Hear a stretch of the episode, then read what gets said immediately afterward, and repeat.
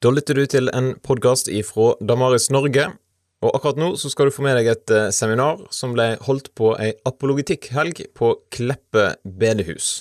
Der holder Fokus hverdagsmenighet til, og de inviterte Damaris Norge til å komme og ha ei helg fullstappa av gode seminar og apologitikkundervisning. Dersom din forsamling skulle arrangert ei apologetikkhelg eller et seminar, så er du velkommen til å ta kontakt på post1damaris.no. Og Setter du pris på podkasten, så er det helt fantastisk bra om du kan enten dele den med andre som du tenker er interessert i denne tematikken, eller om du kan gå inn på iTunes og skrive en omtale av podkasten, for det vil gi podkasten et løft, sånn at enda flere får med seg at eh, denne her podkasten eksisterer. Jeg eh, kan si litt om meg sjøl. At eh, jeg er egentlig en sånn enkel bondegutt fra Trøgstad i Østfold. Men eh, som har reist ut til den store, vide verden og bodd i Kristiansand i mange år. Studert eh, journalistikk og etter hvert teologi. Og har jobba i noen år i Damaris Norge, som er med og arrangerer den helga her. Og akkurat nå så bor jeg i Bergen, hvor jeg studerer teologi, en mastergrad i teologi. Og jeg er utrolig glad for at uh, det fins helger som det her, som liksom er via til apologetikk, via til det å komme vanskelige spørsmål i møte, og via til å begrunne at den kristne troa at den er troverdig. Og Jeg skal snakke litt om det her nå, tro og tvil. Hvorfor snakke om det? Jeg vet ikke om alle her tilhører en menighet eller uh, tilhører denne menigheten spesifikt. Men eh, de fleste menigheter som jeg kjenner til, de har et ønske om at folk skal tro. Og følge etter Jesus Kristus. Og så eh, vil man ikke bare at folk skal tro, men man vil jo hindre folk i å slutte å tro også. Og når man holder på med det der, med tro, menighet, etterfølgelse, så syns jeg det er verdt å ta inn over seg at eh, det er aldri så veldig rett fram. Det er ikke sånn at eh, man starter troa, og så er det bare strake veien. Det blir bedre og bedre og bedre. Men livet ja, det går liksom opp og ned. Noen ganger så er troa noe som virkelig bærer en gjennom livet. Andre ganger så kan det være litt vanskelig å holde oppe. Og jeg tror da at Hvis Kirka skal ha noe å si til mennesker gjennom et helt liv, så må vi bli gode på å snakke om de vanskelige tinga. Og noen er veldig gode på å snakke om de vanskelige tinga, snakke om det med tro og tvil når det er utfordrende. Andre er ikke fullt så gode. og Vi skal starte med å se et eksempel på en samtale om tro og tvil og livet som ikke går så veldig bra. Eh, så Jeg spiller av en film som vi har lagd i Damaris eh, Norge. og så kan dere ja, Ha litt i bakhuet og tenke hva ville dere gjort annerledes. Det er en eh, tenåring som møter en ungdomsleder, og tenåringen forteller litt om vanskelige spørsmål han har knytta til livet. Her, ja. Jeg hadde en veldig tøff periode i livet mitt, og jeg var på et veldig mørkt sted. Jeg skjønte bare ikke åssen det kunne skje, eller åssen Gud kunne tillate alt sammen. Så jeg var veldig takknemlig for at ungdomslederen min Geir kunne ta seg tid til en prat. Jeg hadde veldig dårlig tid, men eh, jeg kunne jo ikke si nei til han når jeg har så mye erfaring som det jeg har, og vært ungdomsleder så lenge, så vil jeg hjelpe han stakkars gutten.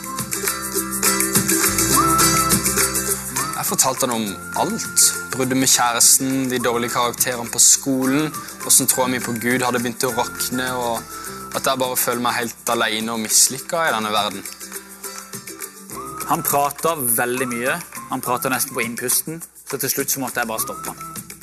Jeg har hørt alt dette her før. Jeg har masse livserfaring. Jeg kan fortelle mange ting i hans situasjon.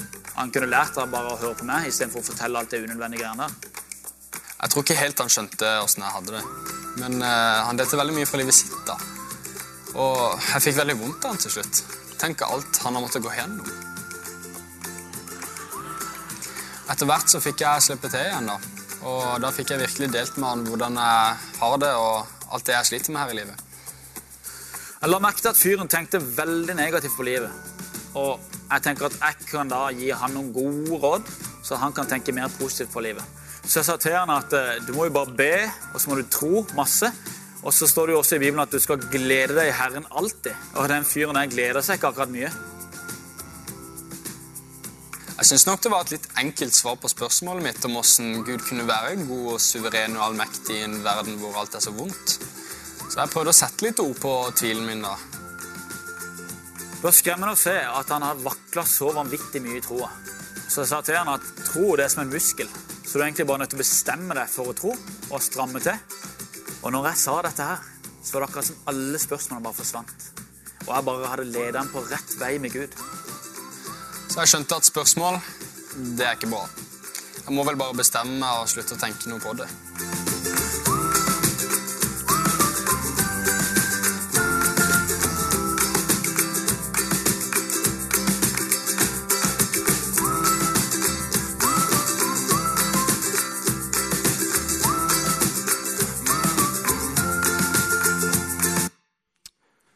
Yes, Det ble litt snikreklame her også for et uh, emne i sjelesorg som de tilbyr på NLA Gimlekollen. Et veldig godt emne. Men du har jo en fyr her som vil tro, men ikke klarer det. Og som opplever masse ting i livet som bare skjer på en gang. Får han egentlig hjelp i den situasjonen her? Og hva skal vi tenke om de råda han får? Her er det mange ting som vi kunne ha prata om. og på en måte så er jo det her veldig karikert, veldig overdrevent.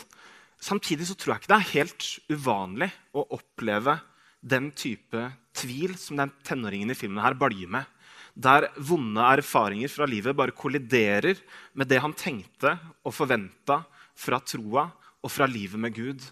Og han strever med å få alt det her til å henge i hop.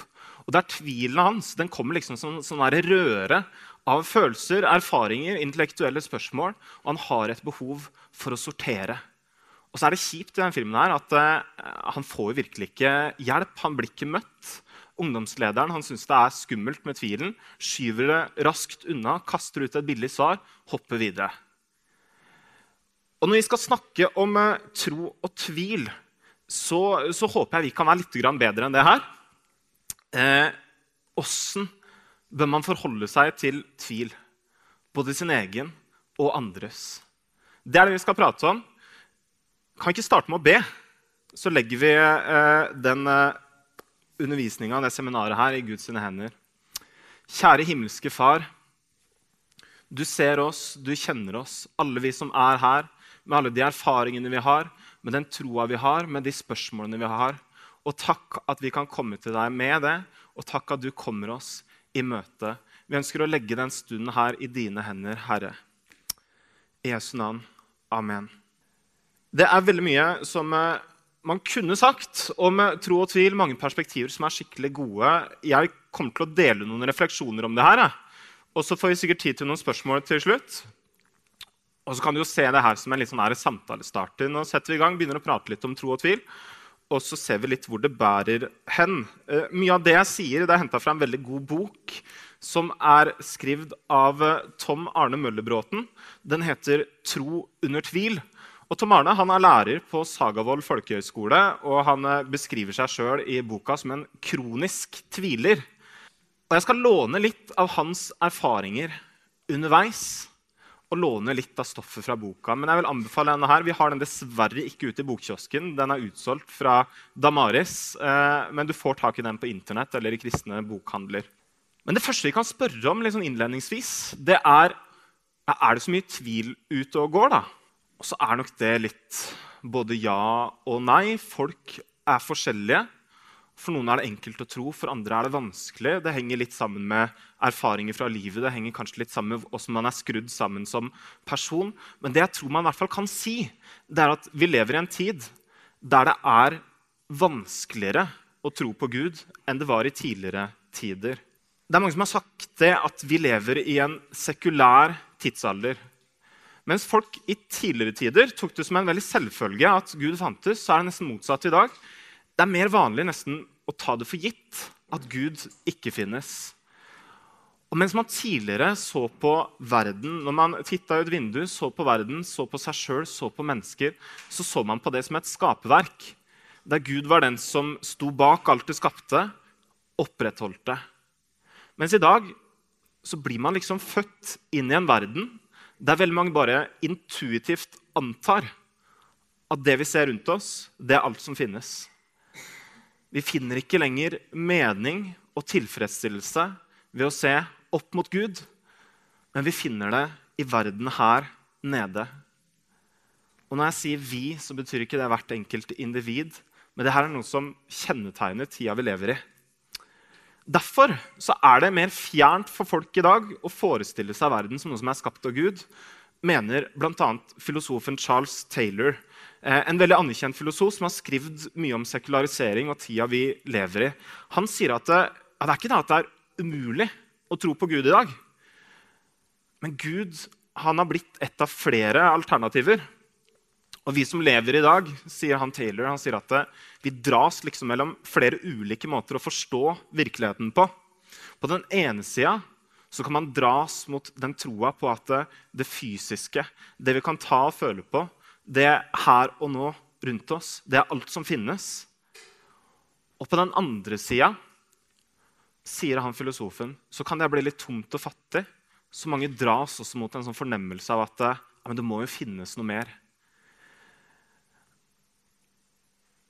Og det er en eh, som har sagt det sånn her, en forfatter som sier, og jeg parafraserer litt på norsk, jeg håper det går greit, at sjøl om tro fortsatt finnes Det er mange som fortsatt tror i dag. Så er det ikke så enkelt. Tro det kan være noe litt skjørt. Og som troende så opplever man ofte en sånn følelse av at man stadig blir satt på prøve. Vi har ikke tro istedenfor tvil, men ofte så tror vi og tviler samtidig. Vi er alle Thomas nå, sier eh, filosofen James K. Smith. Han henviser altså til Thomas, tvileren i Bibelen. Jeg vet ikke, Kanskje det er litt overdrevent. Noen tviler kanskje en del, andre ikke. Men jeg tror den beskrivelsen av tida vi lever i, der vi blir liksom pressa fra flere forskjellige kanter, den tror jeg stemmer ganske godt. Alle som lever i moderne Vesten, lever med et sånt press, sier disse filosofene. som jeg snakker om. Og Det gjør at du får noen kristne som er beinharde fundamentalister og tenker at Gud er letteste spørsmålet i hele verden. Selvfølgelig fins det Gud. Og så får du beinharde ateister på andre sida som sier at Gud det er det dummeste som fins. Selvfølgelig fins ikke Gud. Og så får du, får du en del folk også liksom midt imellom kristne som både tviler og tror samtidig, og ateister som kan synes det er vanskelig å være ateist. Det er noe med tida vi lever i, som gjør at både kristne og ateister at de kan tvile mer enn før. Og Når ateister tviler, så kan det være fordi man spør litt sånn her ja, Er det her alt? Er det ikke noe mer? Man kan si litt sånn som artisten Sondre Justad sier i låta 'Riv i hjertet', hvor han synger om 'Gi meg noe som betyr noe'. Noe jeg virkelig har tro på. Jeg vil kjenne at jeg lever. Jeg vil kjenne at det river i hjertet. Det må da finnes noe mer enn det her. Og så har du kristne som kanskje tviler på en helt annen måte. Når kristne tviler, så er det helt andre spørsmål. Eh, det er jo veldig forskjellig kanskje, hva man henger seg opp i, hva man tviler på. Men han, Tom Arne Møllebråten, som har skrevet en bok om tvil, han sier at det, ja, det finnes en del sånn fellestrekk, ting som ofte dukker opp når man snakker med folk om tro og tvil. og Han har en liste. Han sier at altså kan man tvile på Gud. Finnes han? Hva når jeg verken kan se eller føle han? Jesus, er han virkelig Gud? Er han virkelig eneste vei til frelse? Bibelen er det her virkelig Guds ord? Og når det står så mye merkelig der som er vanskelig å forstå meg selv, åssen kan jeg vite at jeg er frelst? Er Gud fornøyd med meg? De kristne kristne de er uenige om nesten alt. Åssen kan de da ha rett? Åssen kan kristendommen være sann da? Det ondes problem. Hvorfor griper ikke Gud inn når det skjer vonde ting? Eller frelse og fortapelse? Åssen kan en god Gud straffe folk med evig fortapelse? Det her er det Møllerbråten kaller for sånne tvilstriggere. Det som ofte trigger tvil hos folk. Åssen bør vi møte det, da? Det var en episode for noen år siden da jeg bodde i eh, Kristiansand. Eh, det var eh, vinter, det var speilglatt ute, og jeg skulle ut i gata og låse opp bilen min og kjøre på jobb eller skole. eller noe sånt. Eh, og Idet jeg står ved døra til bilen som står ute i gata, og skal låse opp eh, døra, så er det ei dame som går forbi. Og hun sklir på isen. Eh, og sklir så godt også. Det er en sånn fantastisk bue. Seiler opp og lander strakt på ryggen. Og Hva tror dere er min reaksjon på det? Eh, en god reaksjon det ville vært å eh, løpe bort og spørre litt sånn høflig trenger du hjelp. Går det bra? Min helt sånn naturlige refleks, min reaksjon, det var å bare dukke ned og gjemme meg bak min egen bil. Og så har jeg lurt på etterpå hva i alle dager? Hvorfor reagerte jeg sånn? Det kom liksom bare som en refleks. Og så tror jeg det er fordi eh, når jeg sjøl sklir på isen, så syns jeg det er veldig flaut at folk ser det. Så det mest nestekjærlige jeg kunne gjøre for hun stakkars dama, det var å gjemme meg og sørge for at hun ikke så at jeg så. Men det må ha sett veldig dumt ut eh, for de som står oppe i vinduene og titter når du har ei dame som ligger på isen og har det vondt, og en fyr som står og gjemmer seg bak en bil rett ved siden av. Men jeg syns det er fascinerende, det med reflekser. Reflekser de er ofte veldig ærlige. Og den refleksen, det å bare dukke unna Jeg tror ofte man har den samme refleksen i møte med tvil. Når det blir snakk om tvil i kirka, når folk begynner å fortelle at jeg syns ting er vanskelig Ja, jeg tviler faktisk. Jeg syns det er vanskelig å tro på Gud. Han ungdomslederen her han er jo et eksempel på det. Den refleksen som sier at det tvilen, det er skummelt. For kanskje det er litt sånn som vannkopper eller lus eller omgangssjuke. At hvis noen først får det, så får alle det. Hva kommer de refleksene fra? Eh, og jeg, jeg, mistenker at eh, noen av refleksene våre eh, de kommer fra Bibelen. Hva sier Bibelen om tvil? Ikke så veldig mye fint kan man jo få eh, inntrykk av. Når man leser Bibelen, og kanskje leser litt sånn overfladisk, så virker det nesten som at det å tvile, ja, det må du bare ikke gjøre. Tvil det er jo det som skjer i Edens hage når eh, slangen skaper tvil om det Gud har sagt. Jesus han snakker opp troen og ikke tvilen og sier at dersom dere tror og ikke tviler, så skal dere si til fjellet, løft deg, kast deg i havet, og det skal skje. Og Noe lignende står det i Jakobs brev. Man må be i tro uten å tvile. For den som tviler, den ligner en bølge på havet som drives og kastes hit og dit av vinden. Og når Peter går på vannet, så er det sånn her at så lenge han tror, så klarer han å gå på vannet. Men med en gang han begynner å tvile, så synker han.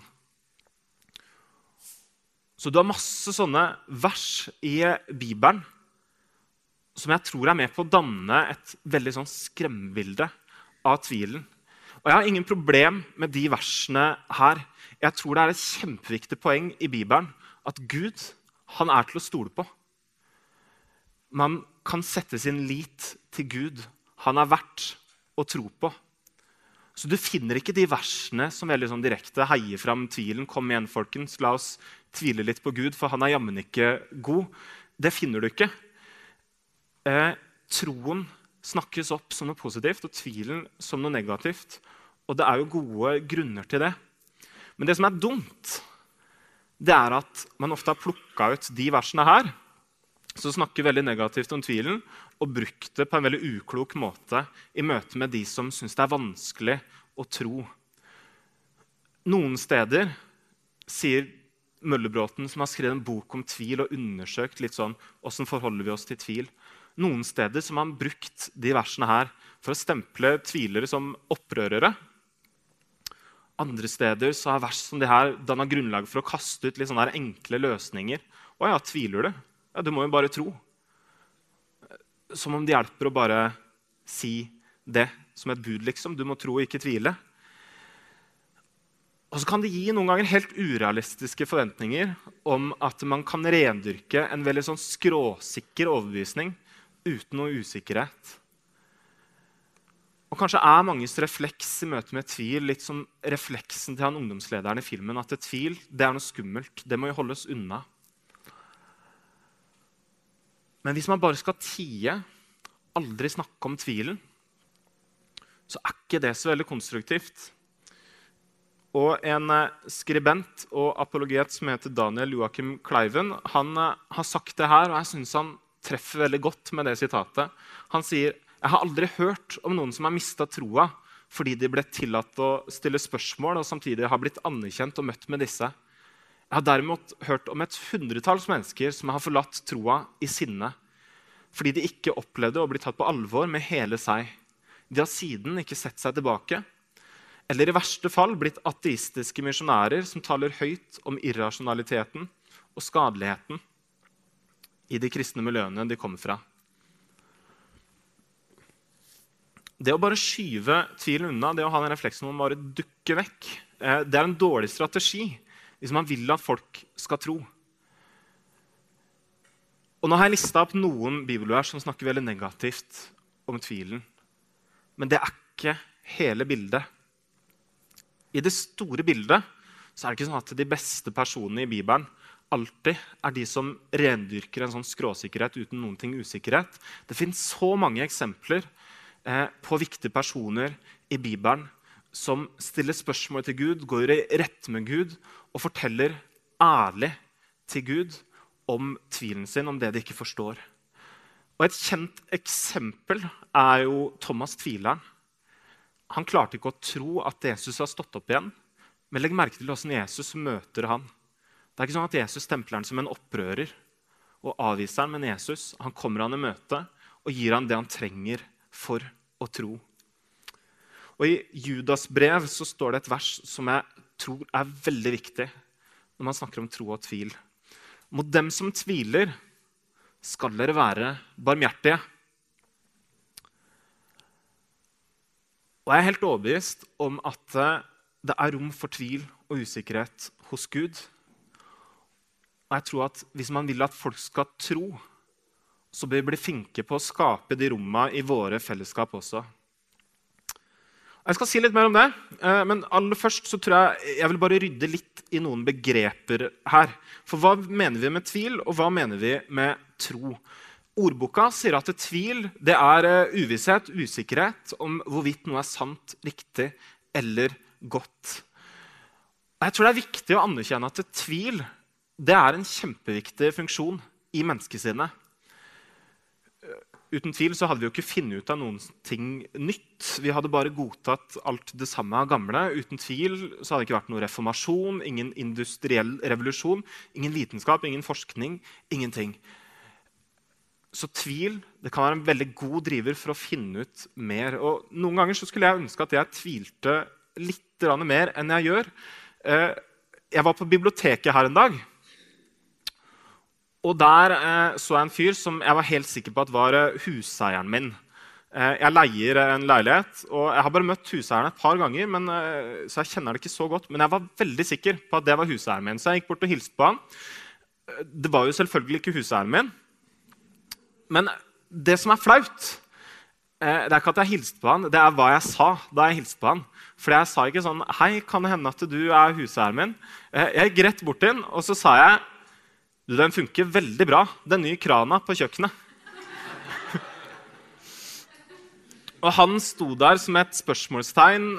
Jeg begynte jo å svette, for jeg skjønte at han ikke skjønte noen ting. Eh, at jeg har tatt en liksom råsjans, bomma helt. Hadde jeg bare vært litt mer tvilende til min egen overbevisning, så kunne jeg kanskje slippe unna sånne flaue situasjoner. Det er kanskje et flåsete eksempel, men poenget er at tvil kan være nyttig og bra. Tvil er ikke det motsatte av tro, men det handler om å teste grunnlaget for troa. Noen ganger så må man sparke litt sånn ekstra hardt i gulvet man står på, for å sjekke om det holder. Og når man har sparka litt ekstra hardt, da veit man etterpå at man står mye tryggere enn før. det er noe man rett og slett trenger for å vokse i tro. Jeg tror vi trenger å heie fra mer av den gode tvilen. Den sunne skepsisen.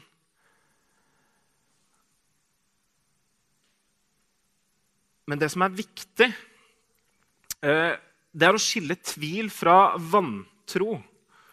Og eh, vantro i Bibelen det handler om å ikke ville tro. Tvil du kan si at ja, det handler om at noen vil tro. Man ønsker å tro, og så klarer man det ikke. Ønsket er der, men ikke overbevisninga. Mens vantro ja, du kan si det handler om at man ikke vil tro. Istedenfor å la døra stå på gløtt, sånn som hos tvileren, så smeller man døra hardt igjen og ser seg ikke tilbake.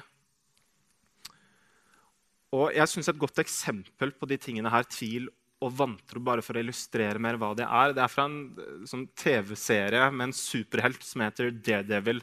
Jeg vet ikke hvor mange av dere som er glad i superhelter og uh, ser mye på det, men jeg er i hvert fall veldig opptatt av superhelter. Og jeg er veldig fan av han her, fordi han er en av de kristne superheltene. Så jeg føler liksom at uh, han, er, han, er, en av oss. Uh, det ser ikke sånn ut. Han heter Daredevil det høres ut som han er en sånn demon, men det betyr jo egentlig bare vågehals. Daredevil. Eh, greia med Daredevil det er at eh, han har via livet sitt til å bekjempe kriminalitet. Han er blind. Når han var liten, så havna han i en ulykke der hvor han mista synet. Men de andre sansene hans ble kraftig forsterka. Altså han har superhørsel eh, og er veldig god til å slåss for eksempel, pga. superhørselen. Eh, på en eller annen merkelig måte. Men han er kristen, og han har en sterk følelse av at Gud har kalt ham. At Gud har gitt ham evnene sine, sånn at han kan hjelpe de hjelpeløse. Men det betyr ikke at han aldri tviler. Faktisk så er han stadig usikker på hva som er riktig å gjøre. Hvor hardt skal han gå ut mot bad guys? på en måte? Hvor hardt skal han jobbe på sida av loven? Noen ganger så setter han spørsmålstegn ved det kristne virkelighetsbildet. Fins Gud? Fins djevelen. Han er en sånn troende tviler. Men det som er innmari fint med han superhelten her, det er at han har en prest som han går til stadig vekk. Som han stoler på. Istedenfor å lokke tvilen inni seg, så deler han tvilen. Og det hjelper han å ta gode, kloke avgjørelser. Tvilen hans den blir en god egenskap. Men så skjer det noe katastrofalt i livet hans etter hvert. Han opplever et kjempenederlag i møte med noen brutale skurker. Han blir helt utslått, livløs, mister evnene sine. Og den opplevelsen av å tape alt, miste alt, det bryter så totalt med hva Daredevil hadde sett for seg. Han hadde hatt en sterk kallsopplevelse, overbevisning om at evnene hans var gitt av Gud for en hensikt, og nå står han igjen uten noen ting. Uten familie, uten venner, for de har han skyvd bort. Og uten det kallet han trodde han hadde. Åssen kan Gud tillate det? Det blir en sånn stor smerte i livet hans, en stor tvilstrigger. Og til slutt så stenger han døra hardt igjen. Konkluderer med at den stemmen jeg hørte i huet mitt, ja, den var bare i hodet mitt. Det var en vrangforestilling å tro at Gud var innblanda. Han går fra å tvile på en sunn og god måte til at livets vonde erfaringer de knuste forventningene, de bare ødelegger. Det skyver han over i vantro, der han ikke lenger vil ha noe med Gud å gjøre. Og jeg synes Det er noe sånn veldig realistisk med det. Sjøl om det er en sånn superheltfilm, det fjerneste av det fjerne, full fantasi, så er det noe jeg tror veldig mange kan kjenne seg igjen i. Den tvilen, den usikkerheten på om Gud finnes, der hvor man baljer liksom med den åpne døra, og den hvor man stenger døra hardt igjen. Sånne folk møter vi hele tida. Der kan man fort havne. Åssen takler man det? Åssen møter man tvil på en god måte?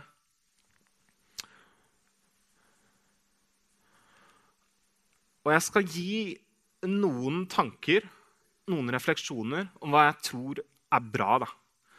Eh, nå har jeg eh, prøvd å sette litt sånn ord på tvilen, hva det er. Nå går vi over til åssen bør vi møte det. Åssen kan vi møte på en god måte?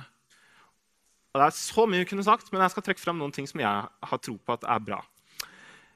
En ting det er det at uh, tvilen den kan ikke ties bort. Man bør heller skape trygge, gode rom for å snakke om den. Sånn som Daredevil, som har en sånn prest han stoler på, som han går til, og som ikke stempler ham som en opprører, men som finner rom for det. Møllerbråten i boka om tvil han sier at en vanlig myte det er at tvil smitter. Det er liksom oppkastsjauen eller uh, lus og uh, vannkopper eller hva enn. Når man begynner å snakke om tvil, så tenker man at ja, da smitter det. Da begynner alle å tvile. Men hans erfaring det er det motsatte. Møllerbråten sier det her at jeg har mange ganger erfart at når noen åpner seg overfor andre om svakhetene sine, f.eks. innrømmer at de syns det er litt vanskelig å få noe ut av den daglige bibellesinga, eller at bønnelivet ikke er helt som det skal, så er det som om de åpner et vindu og slipper inn frisk luft i et trangt rom fylt med mange mennesker. Det er som om folk plutselig begynner å puste igjen. De senker skuldrene. Skuespillet er over. Det er flere som har det slik som meg.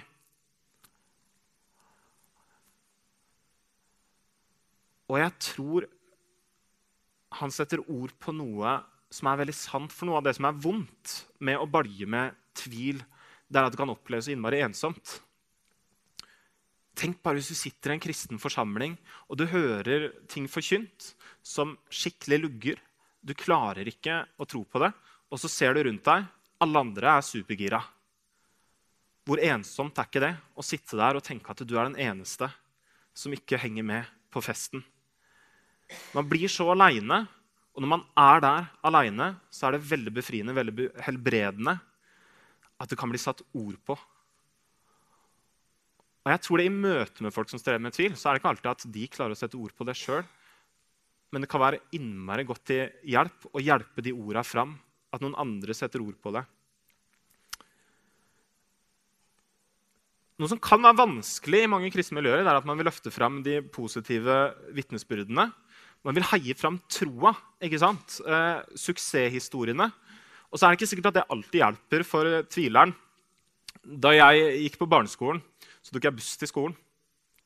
Vi hadde en bussjåfør som vi kalte for eh, Grinebiteren. Han var alltid sur, og jeg var alltid glad. Så jeg tenkte at jeg kunne oppmuntre han. Og da satte jeg meg på det fremste setet helt ved siden av bussjåføren og begynte å synge på de gladeste sangene som jeg kunne tenke meg. Eh, jeg sang en eh, sang som het 'Syng en munter sang'. Munter sang, sang jeg. Syng en munter, munter, munter, munter, munter, munter sang. Sånn satt jeg fra skolen og hjem og tenkte at eh, nå skal jeg glede grinebiteren. Men han ble jo bare sintere enn noen gang. Og det kom til det øyeblikket hvor han bare bråstoppa bussen eh, og i raseri ba meg gå ut av bussen og gå hjem hvis jeg ikke holdt kjeft. Og jeg lærte noe den dagen Eh, jeg lærte det at eh, når man har det kjipt, så hjelper det ikke alltid å høre om folk som har det bra. Når man tviler, så hjelper det ikke alltid å høre om folk som tror. Men det kan hjelpe veldig bra med folk som forstår. Så kanskje jeg heller burde synge sanger om det, om å være en grinebiter. Nei, jeg vet ikke. Eh, jeg vet ikke hvor mye råd han ville hatt fra åtte år gamle jyplingen. Men jeg tror det er noe med å skape rom for noe mer enn suksesshistoriene. Ok, eh, Noe annet som er viktig tvil. Det kan ha veldig mange årsaker. Ulike former for tvil det krever at man møter det på ulike måter. Noen ganger så har man intellektuelle spørsmål. Typisk sånn som den smørbrødlista vi dro fram i stad. Gud, finnes han? Det ondes problem? Eh, skapelse? Åssen skjedde det? Og når man har intellektuelle spørsmål, eh, da trengs det intellektuelle svar. Vi må ta spørsmåla på alvor. Vi kan ikke bare dukke vekk, skyve det unna. Og Derfor er det innmari viktig med apologetikk. Derfor er det fantastisk bra med sånne dager som det her, hvor vi tar de intellektuelle spørsmåla på alvor. Eh, og bare For å trekke inn igjen den filmen vi så innledningsvis, husker dere hva svaret var fra ungdomslederen til han unge tvileren? når han fortalte om tvilen sin eh, han Ungdomslederen han begynte å snakke om at eh, hvis du tviler, da må du bare bestemme deg for å tro. Tro er en muskel. Du må bare stramme til. Og Det er litt typisk for vår tid at vi overvurderer viljestyrken. At man kan bare bestemme seg for et nyttårsforsett og kjøre på og klare det hvis man bare er viljesterk nok. Og så tror jeg det fins en viktig plass i troa for det å ta valg, for det å ta bestemmelser. Men noen ganger så er jo tvileren den som virkelig vil. Den som virkelig har bestemt seg, men som ikke klarer Og da er det ikke sikkert at løsninga er å bestemme seg. Hvis jeg tviler på at eh, Ole Gunnar Solskjær kommer til å bli den nye Alex Ferguson og få permanent jobb i Manchester United, så hjelper det ikke at noen sier til meg ja, men du må bare bestemme deg. Bestem deg for å tro på Solskjær. Ta et valg om å tro på Solskjær. Hallo, jeg trenger å se resultater. Jeg må se at han leverer. Hvis det bare går dårlig uke etter uke etter uke, så, så kan ikke jeg tro at han blir den nye toppmanageren til Manchester United.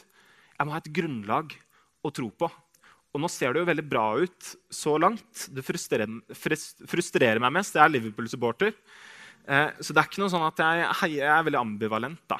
Det er, det er, vanskelig, egentlig. Jeg er liksom i tvil. Skal jeg heie på Solskjær eller ikke? Det er gøy med han, samtidig ikke. Det er kanskje min tvil for tida. Men uansett, man kan ikke bare ta et valg om å tro på det hvis alt peker i motsatt retning. Intellektuelle spørsmål da trenger man ofte intellektuelle svar. Men ofte så tror jeg ikke det er sånn enten-eller. Enten så har man intellektuelle spørsmål, eller så har man masse følelser. Ofte så kommer det som en sånn pakke.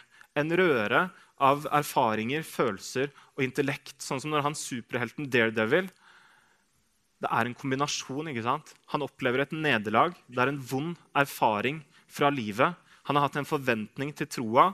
Det innfridde ikke. Samtidig så er det et intellektuelt spørsmål. Åssen kan Gud være god når jeg opplever det her? Åssen kan Gud finnes når jeg opplever det her? Det kommer som en sånn totalpakke. Og jeg tror ofte man trenger hjelp til å sortere hva som er hva.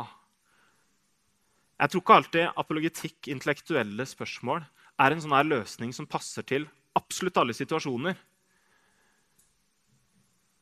Mange vonde gudsbilder kan for henge sammen med at man har opplevd vanskelige relasjoner i hjemmet i løpet av oppveksten, kanskje livssituasjonen sin. Og Da hjelper det ikke nødvendigvis med apologetikk, men man trenger kanskje sjelesorg. Vi må møte hverandre som hele mennesker med erfaringer, følelser og intellekt.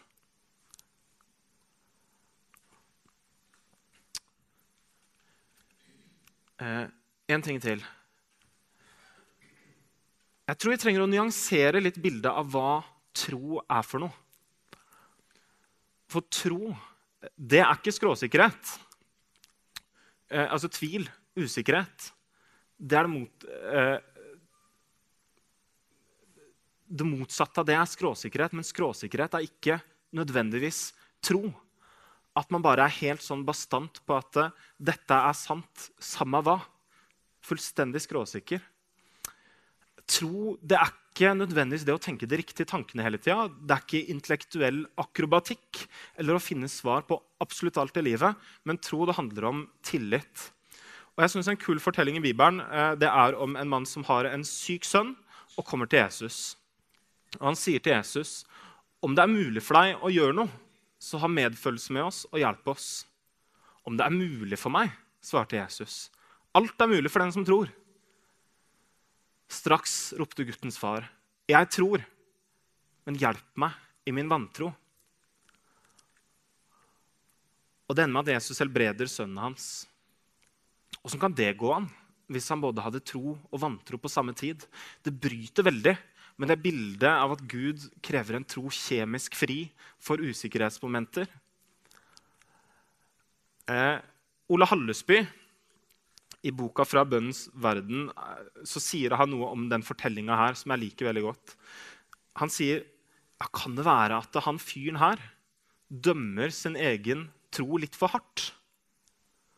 At han tenker at han har vantro, men egentlig så har han tro mer enn nok.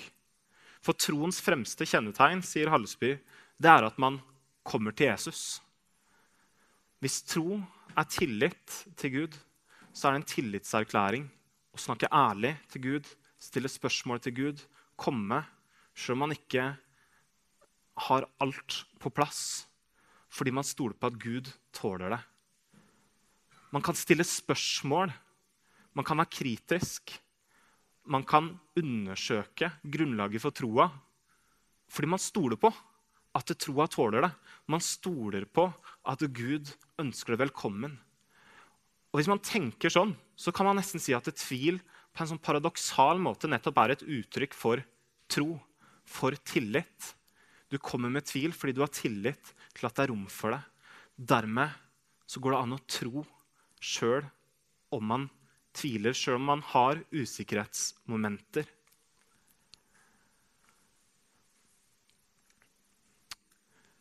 Eh, jeg går inn mot landing nå, så det blir litt pause før neste sesjon. Men sånn for å oppsummere Vi lever i en tid der det ikke er så veldig overraskende at man tviler. Man dras mellom ulike måter å forstå virkeligheten på. Og Derfor så tror jeg det er viktig at man kommer det i møte. Og så kan tvil ha veldig mange årsaker. Intellektuelle, personlige.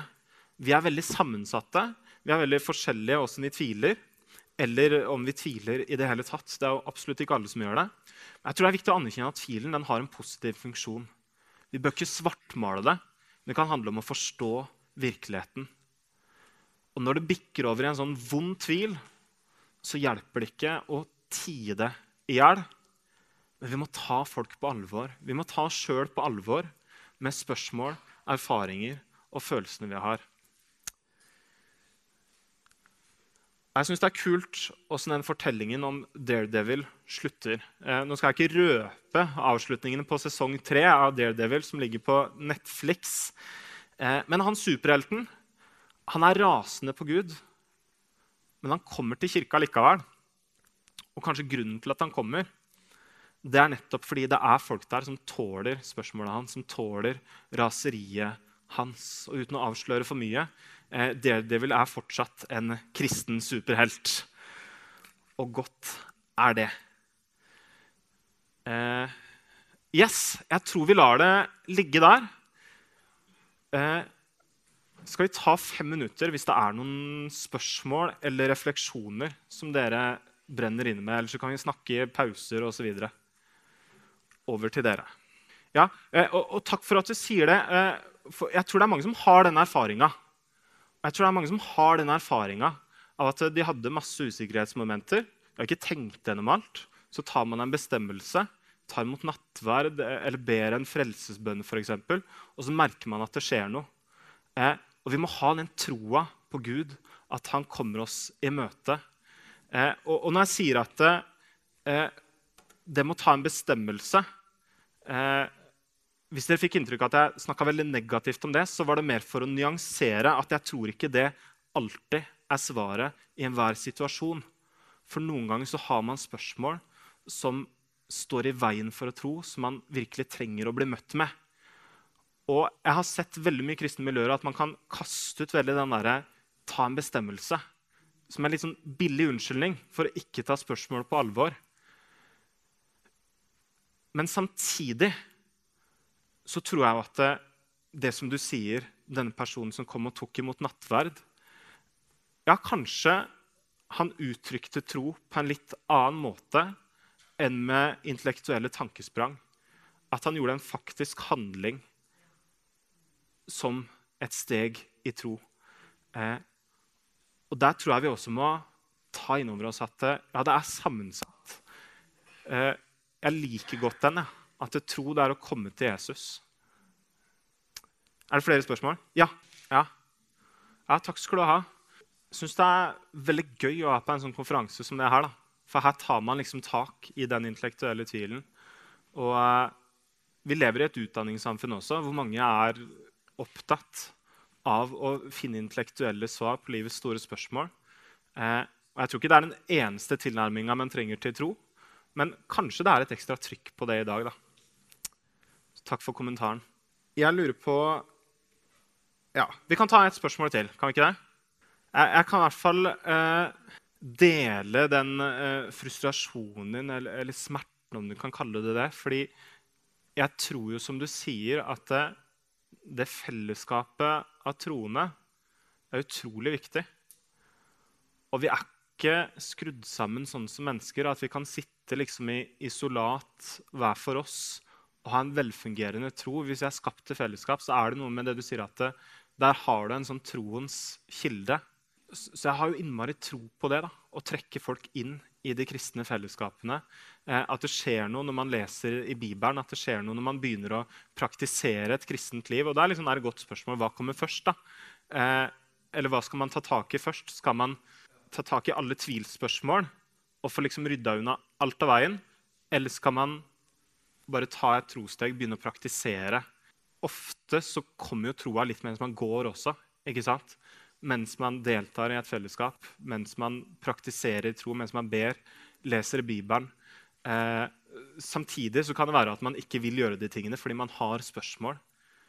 Da vil jeg bare be til Gud. altså. Be om visdom. Be om eh, at han skal åpne dører inn til de du kjenner, som du tenker på. Eh, for Noen ganger så kan det være bra å utfordre dem til å bare bli med. Andre ganger så trenger de kanskje å rydde av vei noen tvilsspørsmål først. Det er komplisert og sammensatt.